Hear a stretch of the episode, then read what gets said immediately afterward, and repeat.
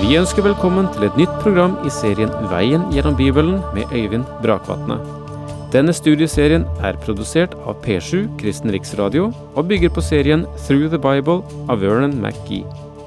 I dag fortsetter vi med profeten Zakaria.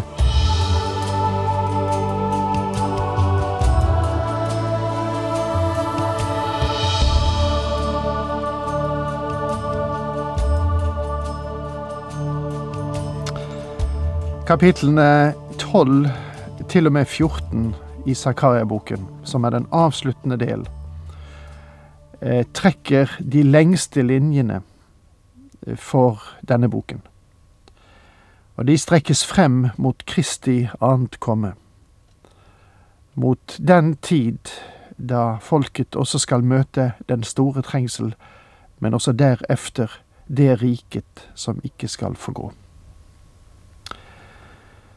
Når vi nå går inn igjen i kapittel 12, vers 11 hos profeten Zakaria, så er vi der inne i den situasjonen da dekket er tatt bort fra folket, og de skal i sannhet se Messias slik som han er.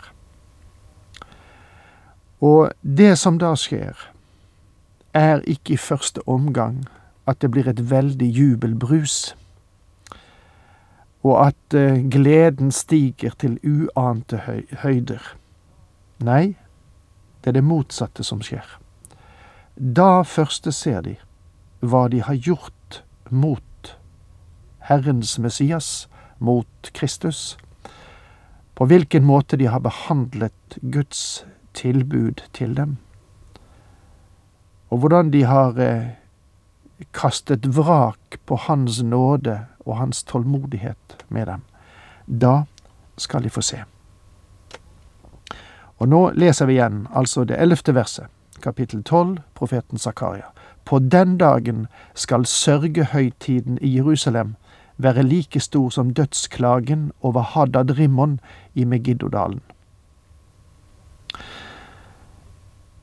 Det som er verdt å merke seg her, det er at til denne kolossale nyorientering i folket hører også bot. Og eh, la meg få rette det til oss også. Hva får oss til å tro at ikke gråten skulle være en naturlig ting også i vårt forhold til Gud? Visst hører gleden med, visst har kjærlighet og nåde sin kolossale eh, plass i det kristne livet. Men hva er årsaken til at så mange utestenger gråten? Min venn, sannheten er jo at vi alle står uten ære for hans åsyn. Og han sier at vår rettferdighet er som skitne filler i hans åsyn. Hvis det er slik at min rettferdighet er som filler, tenk da på hva de mørke sider i min personlighet er. Hvis du og jeg kunne se oss selv som Gud ser oss, da spørs det om vi kunne holde ut oss selv. Da ville vi fort vært ferdig med vår forstillelse og vår selvtilstrekkelighet. Og eh, jeg tror jeg har rett når jeg sier at menigheten også i dag sannelig trenger en virkelig dåp i bot. Sørgehøytiden skal være like stor som dødsklagen over Haddad Rimmon i Megiddodalen. Dette henviser til Megiddodalen og til Josvas tidsperiode. Josva var en leder som var høyt elsket av folket, og da han døde, var det en så stor høy, sørgehøytid at til og med Jeremia bekrefter at han ikke hadde grått over noen annen slik som han gråt over Josva. Landet skal holde klage, ett for ett, Davidsetten for seg og deres kvinner for seg, Natan-etten for seg og deres kvinner for seg. De skal sørge adskilt, det vil si at det vil foregå privat. En slik bot og sorg er noe som mange av oss også i dag trenger å gjøre for oss selv. Levi-ætten for seg og deres kvinner for seg. Shimi-ætten for seg og deres kvinner for seg. Alle de andre ættene hver for seg og deres kvinner for seg. Denne måten å konstruere setninger på forteller at dette vil bli en gjennomtrengende sørgehøytid. Hvilket stor synd er det de har begått? Jo, de har avvist sin Messias. Da han kom første gang, ble han avvist. Tenk på hvordan det vil bli når han kommer annen gang og møter dem som har hørt evangeliets budskap, men har vendt tommelen ned for det. Får jeg si til dere, den dagen kommer på jorden når han kommer igjen.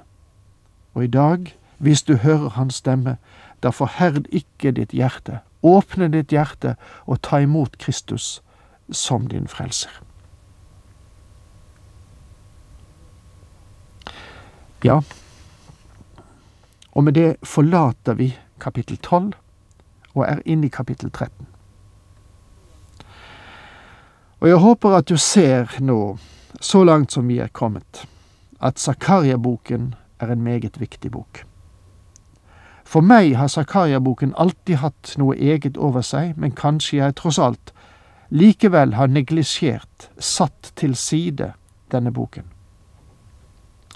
Og hver gang jeg leser den og mediterer over den, lærer jeg noe nytt. Faktisk er det slik at denne avsluttende delen er så mektig at jeg ikke føler meg i stand til å tolke den på det høye nivå der den hører til. Jeg skulle gjerne ønsket at den kom til å bety noe for deg, denne veldige boken. Og mine følelser kan sikkert uttrykkes i det gamle ordtaket. Vi blir for fort gamle og for sent vise. Det er min situasjon.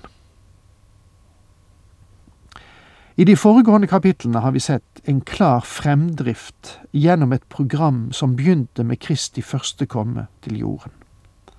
Den gang red han inn i Jerusalem og ble solgt for noen usle sølvpenger. Bare deler av Zakarias profeti ble fullbyrdet ved hans første komme, noe som antyder at den andre del vil bli fullbyrdet når han kommer annen gang. Han ble avvist som den gode hyrde som ga sitt liv for fårene. En annen skal komme i fremtiden. Han har ikke kommet ennå, og vil ikke åpenbares før menigheten er tatt bort fra jorden. Han vil være den falske hyrde som vil føre israelsfolket, så vel som verden, inn i den store trengsel. Den eneste mulighet til frihet og løsrivelse ved den tid vil være Kristi annet komme til jord når han oppretter sitt rike. Han alene kan bringe fred til denne arme klode. Særlig etter annen verdenskrig har fredsmisjonene vært mange. Konger og presidenter, statsråder og FN-representanter har krysset frem og tilbake for å skape fred. Verden lengter etter fred, og sannelig trenger denne også. Menneskehjertet lengter etter fred. Millioner av mennesker ber om fred. Hva er det som gjør at den ikke kommer? Vel, det er fremdeles sant at det barnet som ble født over 1900 år siden, er verdens eneste håp om varig fred. Han er den eneste som både kan og vil bringe fred. I evighet beholder han navnet Fredsfyrsten. Han har et program og en plan for å bringe en varig fred. Han skal opprette himmelens kongerike på jorden. Profetene, spesielt Zakaria, trekker opp linjer i dette programmet og legger også til noen detaljer. I denne boken, som i øvrige profetbøker, finner vi noe som er karakteristisk for dette kommende riket. Som vi vil legge merke til når vi nå går videre i den boken. Og vi har allerede sett at dette riket har mange fysiske aspekter som appellerer til mennesker. Ørkenen skal blomstre som en rose, de lamme skal hoppe, de blinde skal se, og en hel del liker å tenke på gullgater i det nye Jerusalem. Men Når vi fortaper oss i denne siden, så glemmer vi den åndelige synsvinkel. Vi har allerede sett i denne lille boken at dette riket skal som en av sine grunnpilarer ha sannhet. Så sier Herren, jeg vender tilbake til Sion, og midt i Jerusalem vil jeg bo. Jerusalem skal kalles troskapsbyen, som det står i Zakaria 8 vers 3. Og det er den sannelig ikke i dag. Men den skal være en troskapsby, en sannhetens by, når Kristus hersker der. Jeg får vel legge til her at det finnes ingen hovedstad i verden i dag som er kjent for sannhet. Og Kristi kongerike skal ikke bare kjennetegnes ved sannhet. Det skal også kjennetegnes ved hellighet og rettferdighet som vi vil se i vers 1 og 2 i det kapittel vi nå har foran oss. Og i kapittel 14 vil vi se at selv hestenes bjeller og karene i tempelet skal være hellige for Herren. Dette riket vil også ha som kjennetegn frihet fra frykt. Dette aspektet møter oss i kapittel 14. Og vi kan også legge til at riket skal kjennetegnes ved glede, som vi har sett i kapittel 10. Jeg vil gjøre judaætten sterk, og Josefs ett gir jeg seier. Jeg lar dem bosette seg igjen, for jeg er barmhjertig mot dem. Ja, det skal gå dem som om jeg aldri hadde forstøtt dem, for jeg er Herren deres Gud, og jeg vil bønnhøre dem. Efraims menn skal bli som helter, de skal være glade til sinns som når en drikker vin. Deres barn skal glede seg ved synet, og deres hjerter fryde seg i Herren. Slik sto det i Zakaria 10, vers 6-7. Det vil bli en tid da gleden skal være stor. Alt dette er åndelige og ikke fysiske sider av riket. Og det grunnleggende er fred. Når Kristus kommer for å herske, skal han tale fred til folkeslagene. Gjennom Zakarias profetbok har vi fulgt Guds program Eh, som til sist skal gi en varig fred i verden. Da Kristus kom første gang, ble han forrådt og vraket og solgt og overgitt til hedningene for å bli korsfestet. Deretter kommer en periode som Zakaria ikke sier noe om. Det er den menighetens epoke som vi lever i i dag. Når den avsluttes, vil det dukke opp en grusom hyrde, Antikrist. Han innvarsler ikke riket, han fører inn trengselstiden. Hans verdens diktatur kan bare brytes gjennom Kristi komme for å opprette sitt rike på jord. Og det er det vi har foran oss her i kapittel 13. Da um, har vi lagt grunnlaget for å neste gang gå inn i dette interessante kapittelet. Takk for nå. Herren med deg.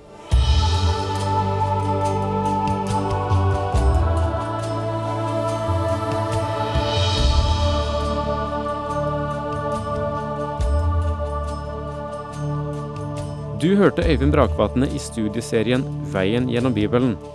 Serien bygger på et manus av Vern McGee. Har du spørsmål eller kommentarer til programmet, kan du sende en e-post til vgb krøllalfa p7.no. Takk for i dag, og på gjenhør.